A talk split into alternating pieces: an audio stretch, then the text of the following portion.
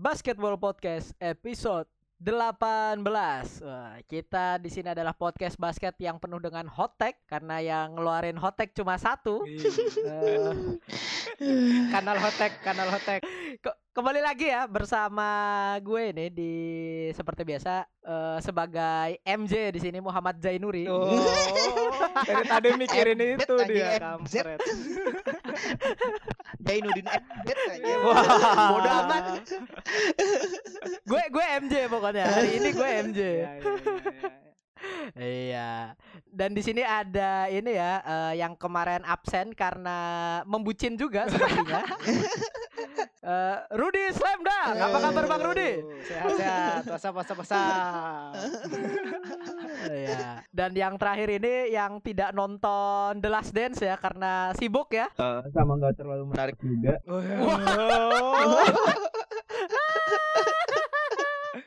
Gak menarik karena lu udah tahu duluan ya. Iya, Ya, udah tahu dulu iya. kan kebanyakan. Ini ini dia eh, Raja Hotek NBA Heeh. historian Oh.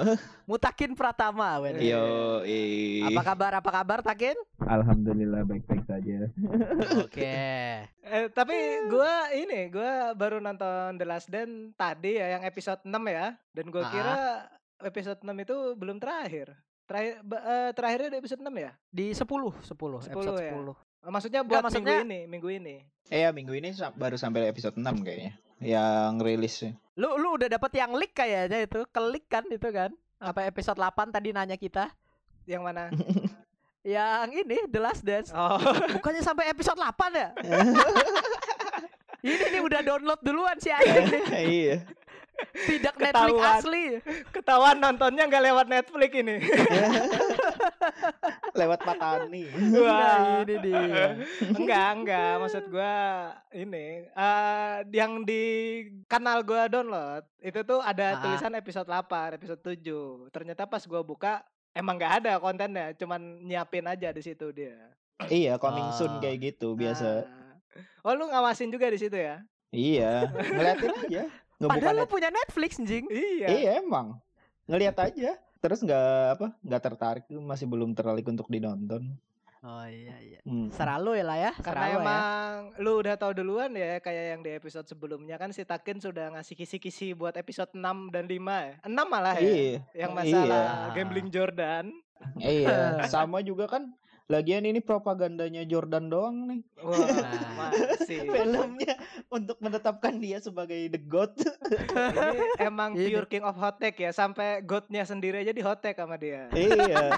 Ini pure media movement PR-nya ini Jordan ini. Oh. Iya benar benar. Oh, oh. Tapi kan di episode 5 kan ada ini ya eh, kayak secercah tentang Kobe di situ ya.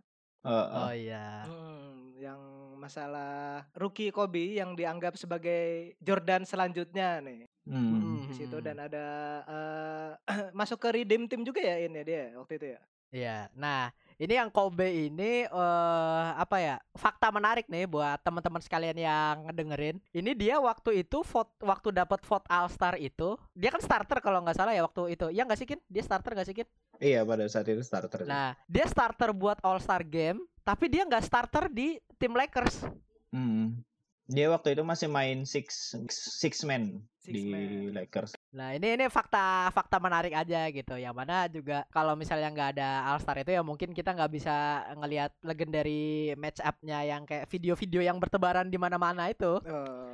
Kobe sama Jordan gitu. Bahwa Kobe ini kalau kata Pau Gasol sendiri eh, dia bilang ini adalah the best student Jordan ever had gitu. Hmm. Dia bilang eh, kenapa the best student karena dia beneran ngikutin Jordan dari ujung kaki ke ujung kepala gitu.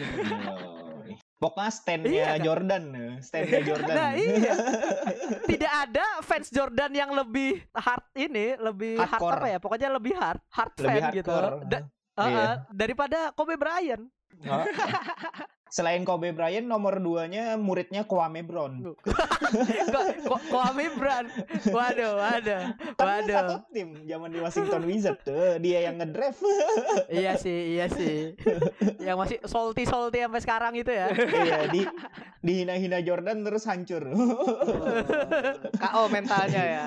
eh. Karena emang ngomong-ngomong soal Kobe juga, eh gua ada lihat videonya The Ringer lagi yang Hmm. mana itu ada judulnya dari Bill Simmons dia bilang dia ada telepon-teleponan sama Kobe gitu kan. Nah, Hmm. Nah, ini ini gua gua ceritain juga di sini buat teman-teman yang dengerin nih. Waktu itu Bill Simmons itu saking kagumnya sama Kobe tuh kagumnya tuh kayak gini nih dia bilang. Kobe ini punya kesempatan buat niru pemain lain gitu loh.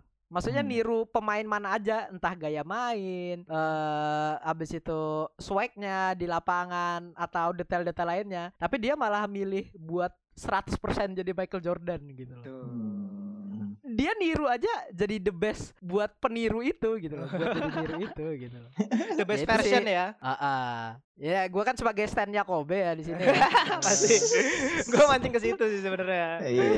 Jadi Iya. Kobe over MG nih ceritanya nih. enggak sih, enggak. Enggak. Tetap terlepas dari ini, gue kan ngerasa yang gini-gini kan susah nih. Hmm. Kalau misalnya mau bandingin ring Bill Russell aja sekalian sama misalnya ring Bill Russell. Terus Ah. kalau misalnya rekor-rekor ada Will Will Chamberlain. Chamberlain. Iya. Hmm. Ada Oscar Robertson lagi. Susah gitu loh. Ah. Enggak nggak bisa segampang LeBron lebih bagus dari MJ, MJ lebih bagus dari Kobe gitu. Enggak Hmm. nggak segampang itu gitu loh. Cuma buat era 90-an GOAT-nya MJ, 2000 Kobe, 2010 LeBron gitu. Ah, belum, tahan dulu. Belum. Siapa emang 2010 siapa nih? 2010 Masih siapa? debatable. Tapi lu setuju gak sih sama gua Ken soalnya gua masih feeling kayak eh, LeBron nih masih ada beberapa segmen apa piece gitu yang belum bisa memenuhi kalau dia tuh bakal bener-bener god di era sekarang kayak gitu. Ya salah satunya ya kekalahannya banyak di final, banyak kalah di final itu aja. Dia nggak bisa ngebawa diri, ngebawa apa ya, ngebawa timnya sendiri gitu. Ah, Nge-carry Cleveland Cavaliers ya mentok-mentok sampai final lah. hmm. Nah, ini ini yang Oh. yang apa ya? Yang gua sanggah gitu. Eh, bukan sanggah sih. Yang gua rada bingung sama pilihan karir LeBron James malahan. Nah, Karena kalau misalnya kita bandingin lagi kan ya, walaupun di episode sebelumnya gua udah bilang nggak mau banding-bandingan, cuma maksudnya dari segi teammate gitu. Hmm. Teammate-nya LeBron ini beneran kalau menurut gua walaupun Hmm. ada Dwayne Wade, mungkin Eddie ya kalau sekarang ya. Teammate LeBron ini belum ada yang bisa ngimbangin LeBron gitu loh. Hmm. Hmm. Kayak Michael Jordan dapat Scottie Pippen men gitu loh. Iya. Yang Iya. mana dia tipenya identikal. Iya. Eh, Steph Curry dapat Klay Thompson, Hmm. Iya. tipenya identikal juga gitu loh. Iya salah sa- salah satu penghancur eh, legasi Jordan ya juga Sp- Splash Brother. Iya, makanya Tahu, itu kan. Splash Jadi Brother.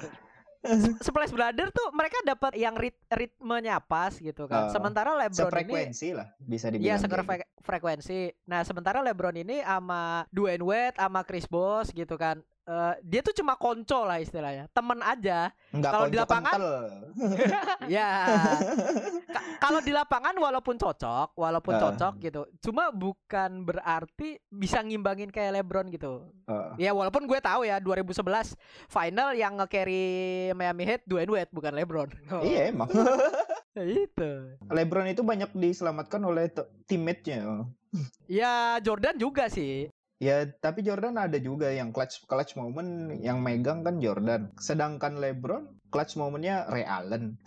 Ya, ya yang masuk history books-nya Realen ya. Ya. Iya. Cuma cuma gue tuh masih masih kepikiran bahwa tahun musim kemarin eh 2017 2018 yang LeBron digagalkan kemenangan pertama oleh J.R. Smith itu Iya. musim terbaiknya LeBron tuh. Ah. Karena Iya. dia udah jadi paket lengkap gitu. Ah, Tapi nggak ada support karena ya tadi kalau menurut gua pilihan karir tadi. Hmm. iya, supportnya ada Isaiah Thomas. Ya. Yang senior apa yang junior nih? Sama-sama Nah. nggak beres dua-duanya masalah. midget, the Ini. midget. Demi Ini gua gua mau bridging nih gara-gara lu ngomong Isaiah Thomas nih. Jadi kan Isaiah Thomas yang asli nih.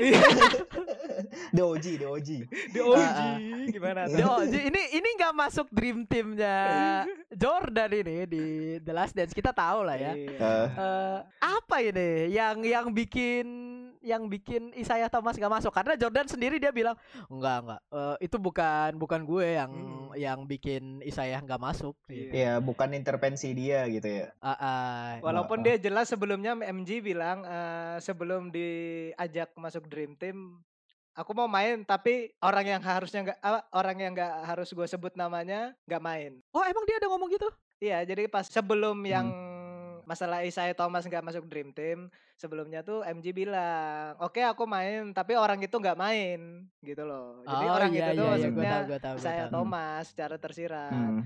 Tapi selain Hmm. selain itu juga dibalik persaingan sengitnya dulu ya sama kan Bad Boy Piston nih kan masalahnya kan eh, tragedi Bad Boy Piston nih yang bikin MG bener-bener apalagi personal dari permasalahan personal antara Isaiah Thomas sama MG ini kan sampai sekarang pun mungkin mereka masih musuhan kali sampai setua ini Iya emang masih masih masih. Kalau ketemu bakalan teman-teman kayak. dan juga kan Mungkin ya. kalau misalnya pas di episode berapa tuh ya yang Isaiah Thomas kekalahan Piston waktu itu ya kekalahan Ah, yang Piston yang, mau langsung salaman. pergi habis itu Hmm. Isaiah Thomas berkelit lah secara politik Heeh. yang pas dia berkelit itu diliatin ke MG kan nih "Ah, menurut lu gimana Ah. nih kata-kata Isaiah Thomas udah aku gak mau dengar pokoknya tuh bu- bullshit lah Iya iya iya. Sama juga kan gak cuman Jordan doang yang gak suka sama Isaiah Thomas kan. Nah. Soalnya De- Heeh. eh, Detroit Pistons sendiri dengan gaya mainnya yang kayak gitu ya banyak juga yang kesel gitu sama dia. John Stockton Ah. juga salah satunya gitu Iya. karena dia cedera gara-gara itu, gara-gara Detroit Pistons si Iya, Joe iya, Dumars.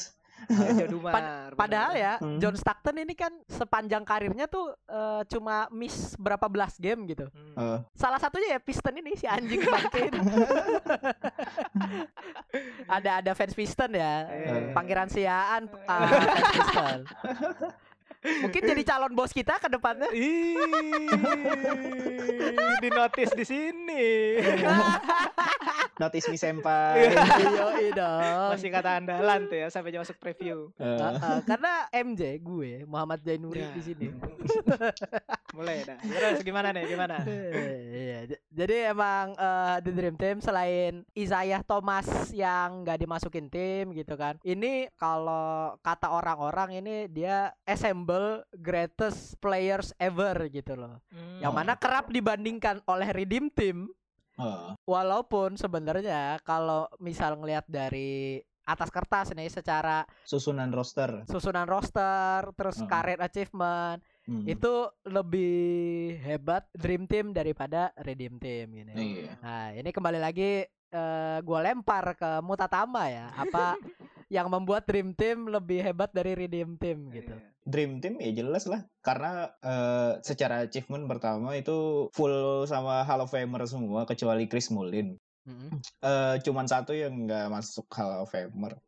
Terus juga eh itu legenda 80 sama 90 loh yang Oh, jadi satu. ini eh jadi satu Larry Bird. Hmm, Siapa yang nggak kenal Larry Bird anjir? Iya, Terus Magic Johnson, heeh. Charles Barkley, Carmelo, Patrick Ewing, John Stockton. Oh, Gila kali. Gila. Sedangkan 2008 Redeem. Redeem Team siapa palingan ya cuman Trio, trio. Iya, trio, Iya kan? trionya Miami. si Ah. Fitri. Ya, tapi Iya, ada kalau mau dibandingin sama Dream Team sih ya di atas kertas sih kalah. Kalau di atas kertas ya. Karena kalau misalnya lu bilang Hall of Famer, ini kan pemain-pemain yang ada di Redeem Team ini bentar lagi bakal jadi Hall of Famer juga nih. Nah, Kayak Eh, Dwayne kan- Wade, LeBron, Carmelo Anthony. Tapi ada juga beberapa yang nggak bakal masuk di Hall of Famer kayak Tyson Prince. Emang lu kenal Ya, ka- Tyson Prince? Tahu gue. Nah itu yang gue pengen eh, obrolin di episode sebelumnya itu. Terus ada Michael Reed. Boozer juga ada kalau nggak salah. Hah? Boozer ada nggak sih? iya, Carlos ada deh. Boozer. Kan beberapa juga nggak- bukan piece yang kuat gitu, nggak segila ini kali. Nggak segila Dream Team gitu maksud gua. Ah, ah, iya iya. Bener sih, itu Iya. bener sih. Kalau mau dibandingin, Kalau dibandingin. Coba kalau Hah? misalnya tim Duncan ikut gitu kan. iya kasnya. Tim Duncan emang nggak US citizen dia. Tony Parker ikut. emang sih. Emang Manu Ginobili ikut. emang eh bentar dulu emang Tim Duncan bukan Amerika ya? Kok gue baru tahu nih. Gue tahu kalau Tony Parker sama Manu tuh satunya Argentina, satunya Perancis gitu loh. Eh, tim Duncan itu Virgin Island, tapi masuk bagian dari ini sih, masuk bagian dari Amerika Serikat juga sih sebenarnya. Oh, iya iya iya. Lahirnya di Virgin Island ya. Ah, sampai tua juga Virgin ya. Makasih.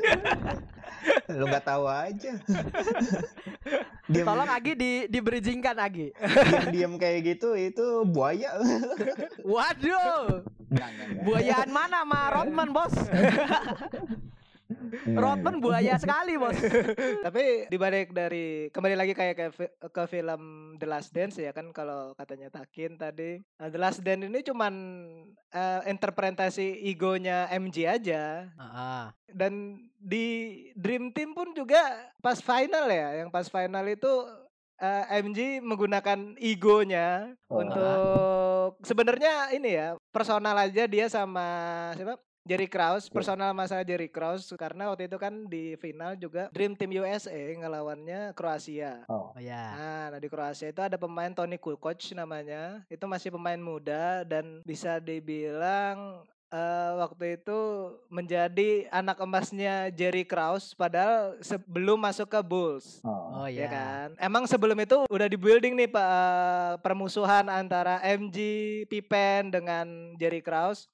Apalagi Hmm. ditambah dengan Jerry Krause lebih mementingkan perekrutan si Kukoc Ah. daripada per- perpanjang kontraknya Pippen. Pippen. Nah, di situ kan akhirnya pas di final eh, MG bilang udah tinggalin Kukoc buat gua sama Pippen biar gua hajar habis-habisan nanti di ini di lapangan. Dan Oh. akhir dan akhirnya kan Kukoc bener-bener faktab kan waktu itu ya. Di ospek, di ospek. Ah di ospek ya di ospek di ospek sebelum masuk ini apa pra masuk sekolah sebelum masuk bus di Ah, ah. ospek ospek dulu ospeknya Ya. personal sih karena sebenarnya MG sama Pippen nih ngospek Kukoc gara-gara kesel aja sama Jerry Krause jadi Ah, dia ah. bikin nih ini ini nih anak emas lu nih gini doang KO katanya dia gitu mau main di NBA gitu kan Heeh. Itu Pippen komen komennya pedes juga Iya. soalnya. Dia bilang kan, aku coach bah dua hari main NBA juga nggak bakal bisa gitu. eh si anjing. Kukoc ini nggak ada hubungannya sama sama ibaratnya nggak ada hubungan langsung cuma ini pengen apa ya eh ngebikin Jerry Cross kelihatan jelek aja gitu. Ah. Ma- Michael Jordan nih se- sebenarnya anjing juga di sini. Kasihan men, anak kecil gitu. Iya iya. Apple dia. Heeh, gitu loh. Coba gitu kan kalau misalnya ada kayak Isaiah Thomas mungkin ya nggak apa-apa lah lu gituin gitu. Kalau Kukoc ini personalnya itu bukan ke Kukoc gitu. Kukoc ini kayak jadi ini aja apa Kambing hitam. ya korban. korban jadi korban korban kekasalannya ke Jerry Cross habis itu kukot saya Hmm. dihajar bisa-bisan di lapangan Heeh. itu kan emang bener-bener sampai eh, sedepresi depresinya kukot kan tuh di lapangan tuh bener-bener di lock lock in sama double team MG sama Pippen kan Heeh. yang mana walaupun di finalnya dia apa ya bisa perform better gitu dibanding first gamenya lawan USA ya tetap kalah gitu. Dan eventually eh, si Kukoc ini masuk ke Bulls dan became great teammate aja gitu. Oke aja hubungannya tuh nggak se nggak nggak apa ya dikira tuh bakal pahit gitu ternyata enggak gitu. Nah kembali lagi ke NBA kita balik lagi nih ke NBA karena eh, flow podcast ini kan ngikutin ini ya ngikutin The Last Dance juga ya. Apa tarik Iya, ulur ini tarik ulur timeline Ah, Hmm. biar gampang cuy Eh, malas biar lah kita gampang. ngatur lagi Karena tadi kita sebenarnya uh, building masalah Dream Team intinya cuman bullying MG sama Pippen ke Pippen. saja, intinya ke situ aja. Tapi dilebarin tipis-tipis. iya, lebarin tipis-tipis karena emang sebegitu bencinya, bencinya lah ya, bencinya MG dan Pippen terhadap Jerry Krause sampai segitunya. Seorang anak yang tak berdosa jadi korban kan. M- MJ nih kalau misalnya ini ya eh, di akhirat gitu masuk neraka nih gara-gara kebenciannya sama Jerry Cross. Benci banget dia sama Jerry Cross gitu loh. Ya walaupun Jerry Cross juga masuk neraka juga ya karena Iya. anjing juga. Tapi eh, formatnya MG masuk narik Jerry Krause ya. Iya. bisa itu bisa banget Iya, iya. si anjing. Eh nggak ada, lu ikutan sama gua, lu masih ada masalah sama gua ke bawah dulu sini. Pippen yang eh, voice of God aja yang mana suaranya keren banget. Gua banget sama Oh, suaranya iya, iya, Pippen. Kayak Morgan Freeman. Ya, kayak Morgan Iya. Freeman.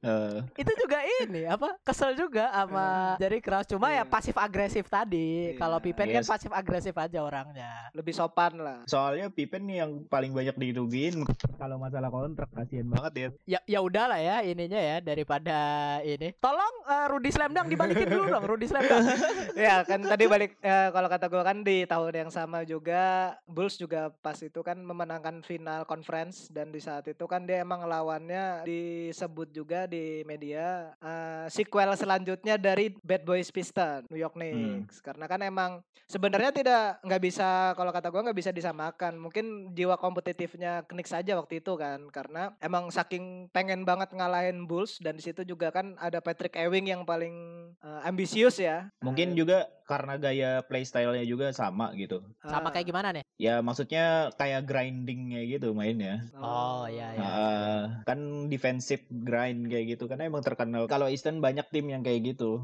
Oh. yang grinding grinding kayak gitu tipenya yang Nah. hard defense ini yang gue notice ya maksudnya ya kan karena di di East ya di East ada si Jordan juga kan yang mana kenapa mereka mainnya yang grinding, hustle dan lain sebagainya karena buat nyetop Jordan tuh emang perlu cara itu gitu. Yang mana nih kalau gue lihat-lihat nih kayaknya berantem mulu nih eh, 90s NBA ini isinya. I- Iya karena ya emang kompetitifnya pada masa itu emang fisikal banget kan ya. iya. Ya, belum ada peraturan eh, kata lo kem- eh, episode kemarin apa tuh? Eh, flagrant foul. flagrant, hand checking gitu-gitu belum ada gitu loh. Kan lumayan bisa ngiseng-ngisengin pas hand checking. Lo Ah. tabok-tabok dikit. ya intinya intinya dari dari Patrick Ewing ini kalau eh, seingat-ingat lu nih maksudnya se historian historiannya lu nih Patrick Ewing tuh mainnya kayak gimana sih? Gimana sih kok sampai bisa eh, berani menantang Jordan gitu? Ah, ah. ya kan dia terkenal sama defense-nya kayak gitu, around the paint. Dia kan rim protector mainnya kalau Oh, main Patrick depan Ewing. ya itu kan ya. Enggak, maksudnya Oh. defensif. Defensive dia. berarti dia attackingnya masih biasa gitu apa gimana nih? Attackingnya juga bagus juga, tapi tapi terkenalnya emang ya pemainnya defense, Oh. defensif Oh gitu. iya, yang mana Patrick Ewing ini eh, ini ya sangat kasihan ya dua kali di posterize sekali sama Scottie Pippen, Scottie sekali lagi Pippen. sama Jordan. ya. Ah. Jadi highlightnya di NBA itu itu gitu.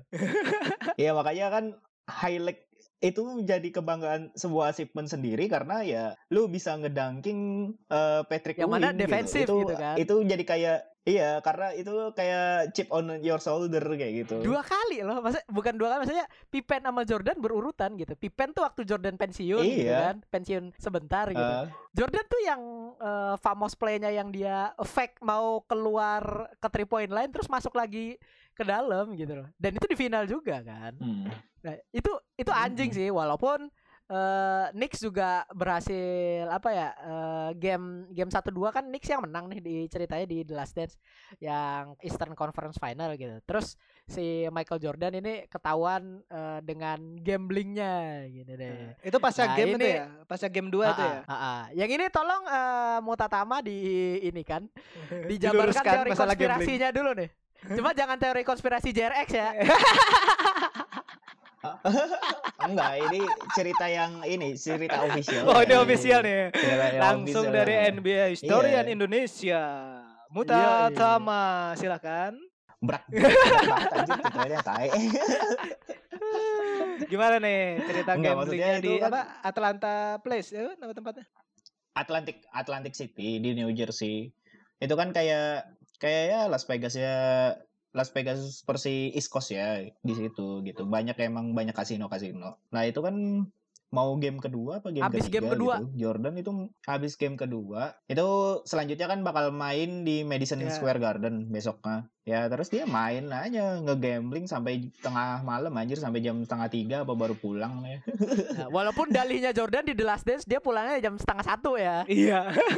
Oh iya, padahal padahal sampai jam setengah tiga. Tetap aja. Iya, tetep Lu aja tengah profesional malam. basketball player Ya. di tengah-tengah musim kayak di tengah-tengah playoff lu malah ini malah main ini ngegambling nggak profesional banget sih sebenarnya hitungannya Tapi karena dia Jordan termaafkan gitu apa apa gimana nih? ya sempat dikritik oleh NBA juga sih dia Karena kan kalau di The Last Dance itu kan dibilang itu celahnya Jordan waktu itu. iya makanya Jadi kan sebelum skandal gambling itu, Jordan jadi the face of NBA yang di mana flawless banget ya, tanpa celah, perfect lah. Like a god lah pokoknya. Ah, the god lah, the god lah.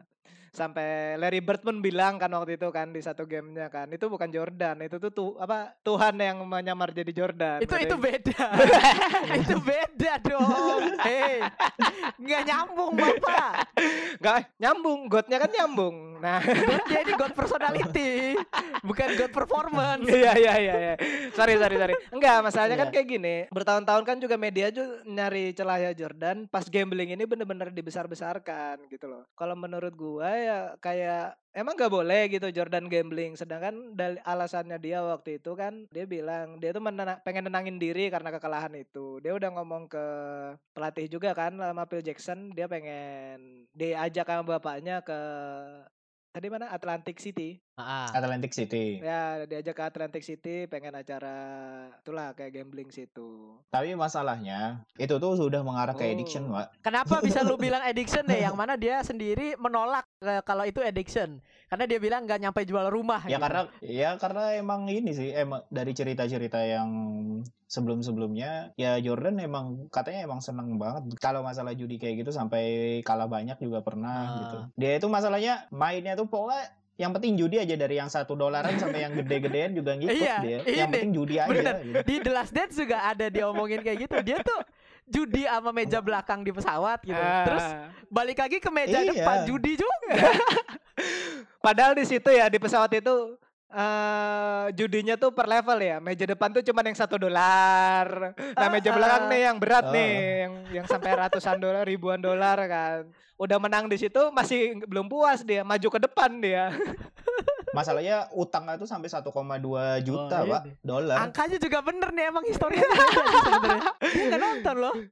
Lebih lengkap daripada The Last Dance ya itu ya. Karena di The Last Dance nggak dibilang sampai dia Iya. punya utang segitu. Iya bener bener. Nah. Heeh. Dia tuh per- yang pernah jadi ini juga kalau nggak salah 57 ribu dolar apa ya? Ah, ini apa? Ngasih ke salah satu yang emang terkenal sebagai ini Gambler, gambler. apa yang punya tempat judi Ah. kayak gitu, Ah. gambler kayak gitu. Iya ini juga bener angkanya 57 ribu anjing dia nggak nonton loh Padahal nggak nonton si anjing. si anjing. eh. Ya kan emang Ah. tahu gitu kan. Nah, jadi Ah. kembali lagi gua nanya nih, eh, episode 7 bakal ngomongin masalah apa nih kayak menurut lu nih?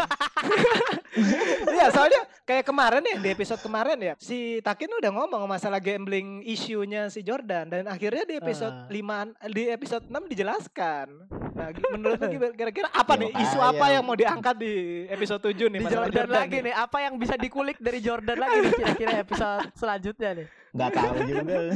enggak enggak gue gue tuh mau nanya ya sebenarnya kalau masalah gambling lu kan bilang ada teori konspirasi yang mana pensiunnya Jordan itu ada urusannya sama gambling Yang tuh itu pertama lu kali. bisa jelasin kan ya Iya. Ya karena katanya untuk eh, mengalihkan perhatian media aja supaya nggak mengkritisi Jordan masalah gambling addictionnya. Oh. Terus sama juga itu kan dia bapaknya baru meninggal. oh iya gitu. itu benar itu benar salah bertepatan ya dengan meninggalnya bapaknya gitu kan Iya, masa-masa yang berat kayak gitu kayaknya. Ada juga yang bilang itu dia rehab. Rehab Rehab dari gambling ya Gambling. tapi Iya. umur segini kayaknya dia tetap nggak ngaku salah ini emang emang egonya gede banget aja gitu. ini gue bukan adiktif gue tuh kompetitif Oh. hey Bukan gitu. kan dia ngomong gitu di The Last Dance dia Iya. ngomong gitu gitu. Tapi masalahnya mengarahnya ke arah sana gitu yang sampai kalah banyak-banyak kayak gitu kan udah nggak hobi lah. iya sih Pak. benar sih itu karena emang addiction juga ya bisa dibilang addiction walaupun dia punya Eh. hak untuk addicted to it gitu loh karena eh, Eh. pertama duitnya banyak gitu kan Banyak, jadi eh, walaupun dia iya. kalah mulu gitu oke lah Jordan winner nih di lapangan nih tapi kita kan tahu nih nyatanya di gambling dia nggak hebat hebat banget Iya. Nggak usah di gambling di baseball aja nggak hebat-hebat banget. Padahal dari kecil ya latihan baseball dia. iya. Iya, ini got apa ini Cari celah si kampret. ya, ya, intinya eh, karena emang balik lagi ke gambling tadi yang mana dia bisa eh, justifikasi dengan performance-nya di lapangan gitu kan. Dia comeback dari two nil down eh, to four four to anu ya four two ya. Iya, iya. Yang mana dia menang eh, Eastern Conference Final beat the Knicks yang mainnya kayak Piston kalau Hmm. kata di The Last Dance gitu kan dan ketemu sama Phoenix Suns-nya eh, Charles Barkley Charles gitu. Barkley. Sebelum ketemu Phoenix Suns-nya Charles Barkley ini, buat teman-teman yang dengerin bisa follow dulu sosial media Iya. kita. Itu jangan lupa support us. Yo, Shameless plug. bodoh amat, bodoh amat. Kita kita tetap ini. Karena Yang eh, penting jangan di aku di komen Instagram orang lain aja ya. nah itu kan tidak. Pakai bot. Kita kan Karena kita udah mencoba untuk soft selling tapi teman-teman dan follower nggak ada yang peka gitu ya ngajak teman-temannya gitu. Mending kita udah hard selling aja nih kita putusin. Tolong follow ya. Karena IG kita kekurangan follower. kalau dengerin itu di share gitu loh. Kita Iya. biar tahu gitu Heeh, kan. biar temannya ikut ketawa gitu loh. Ah, gimana sih? Ya khusus episode kali ini ada ketawanya gitu ya. Nah, kita kembali lagi ke Charles Barkley ya. Yang mana gue sendiri, eh, bukan gue, eh, di episode sebelumnya kita lupa episode mana gitu. Kita ada ngomor- ngobrolin tentang Charles Barkley juga yang mana dia gagal di final dan gagal dapet ring gitu kan. Masuk eh, golongan-golongan alpha dog yang tidak mendapatkan ring, ringless gitu kan. Dan kalau kata Charles Barkley sendiri, it's no shame losing to greatest player ever gitu. Iya. Ya itu Nah, pembenarannya ini- dia aja sih. itu habis sesi sama psikiater selama tiga tahun. Akhirnya menemukan pembenaran. Enggak, yang ini nih, gua gua mau nanya Takin nih, yang lu tangkap nih, karena kan musim itu Charles Barkley menang MVP over Michael Jordan gitu, freaking freaking Michael Jordan. He won the MVP over Michael Jordan. Ini gue masih nggak percaya gitu. Seorang Charles Barkley yang ada di inside di NBA, ketawa-ketawa doang gitu kan. Dia sedikdaya itu kah atau emang ada naratif dari media buat si eh, Charles Barkley ini buat menang MVP musim itu. Ini gimana nih buat Lukin? Kalau lihat state Charles Barkley sih nggak heran kalau pada tahun pada tahun itu. Gak heran lah dia jadi MVP ya. Iya nggak heran soalnya emang dominasi pada saat itu dia emang dominan banget sih mainnya. Dia dia bisa ngebawa si Suns itu peringkat berapa sih? Peringkat satu apa gimana tuh? Apa? Gua gua nggak nggak tahu detailnya soalnya. Rasanya kalau nggak salah sih emang first seed pada saat itu gitu. Oh, first seed ya, Ah, iya, iya, iya. first seed. Eh, jadi kalau menurut lu nggak ada nggak ada sesuatu yang kontroversial ya kenapa si Charles Barkley won over Jordan buat MVP case pada musim itu gitu. Karena emang nggak nggak ada kontroversialnya. Lu bayangin rata-rata poinnya 25, assist 5, rebound itu kalau nggak salah dia di atas 10, double-double ininya. Statnya double-double. Posisi power forward dengan assist 5. Ya, itu zaman segitu susah gitu. Eh, Jordan eh, had his number gitu kan. Cuma ya berarti ke gua gua tuh inget waktu gua ada riset dikit itu Jordan itu waktu itu poinnya dua dua delapan koma berapa gitu terus lima lima gitu waktu yang musim yang sama sama Charles Barkley gitu Iya, tapi pada saat itu emang rekornya Menangnya? Phoenix menangnya banyak. Phoenix kan Nah, rekornya itu. 62-20, Pak. Nah, oh iya, iya. ya lumayan lah ya jadi iya, jadi emang di Charles Barkley ya mungkin MVP well deserved gitu kan well tapi deserved. yang yang gua nggak nyangka itu finalnya ketemu sama Michael Jordan gitu. Dan dia kalau dilihat di The Last Dance kan dia bilang bukan dia bilang dia ada ngebawa eh, apa ya seriesnya tuh lumayan complicated gitu. Yang mana abis 2-0 2-1, 3-1 jadi 3-2 gitu kan. Iya, emang emang apa ya? Emang berat. Emang apa kejar-kejaran lah istilahnya seriesnya pada saat itu kan. 4-2 kan akhirnya kan. Sampai ada triple overtime, ada game 5 kalau iya, makanya itu. berat banget. Hmm. Berarti eh apa ya? Gue sih masih heran gitu kan kar- karena yang lu bilang kan eh, waktu di episode sebelumnya itu edging Suns ya. Edging tim kan. Eh, Hmm. Charles Barkley lucknya kurang karena dia berada di edging tim gitu. Enggak Apakah kok. yang yang lo omongin yang Suns apa yang mana nih? Yang edging tim itu dia pas di Rocket, Pak. Oh, pas di Rocket ya. Sama Scottie Pippen. Enggak sama Hakim. Oh, sama Hakim. Hmm. Sama Clyde Ah. Drexler juga tapi itu kan udah tua semua. Kalau yang di Phoenix Sun itu dia malah lagi ini ininya, lagi apa? Prime-nya ya. Hmm, prime time-nya dia. Eh, Phoenix Suns juga ini ya, juga bagus juga itunya line up-nya waktu itu. Iya, line up-nya bagus pada saat itu. Lu, lumayan Hmm, apa biasa aja atau ya bandingin sama inilah eh, siapa ya lawan Jordan 1991 itu yang first championshipnya Jordan Showtime Lakers Ya, tapi masih bagusan Lakers sih. Kalau pada saat itu rosternya ada Kevin Johnson, terus Siapa tuh? Nah, itu dia. nah ini ini tolong jelaskan ya ini. Kembali lagi bersama NBA Historian Indonesia.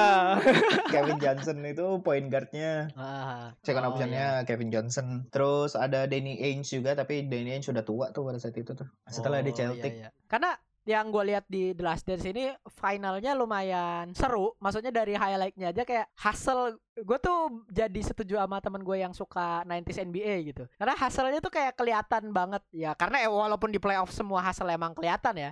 Di playoff mana pun gitu. Kecuali tahun 2000, 2000 atau 2002 sih yang Lakers diragukan itu. Hmm, Lakers lawan Nets Law- kalau nggak salah. Bukan. Eh iya iya, Lakers sama Nets Iya kan? finalnya.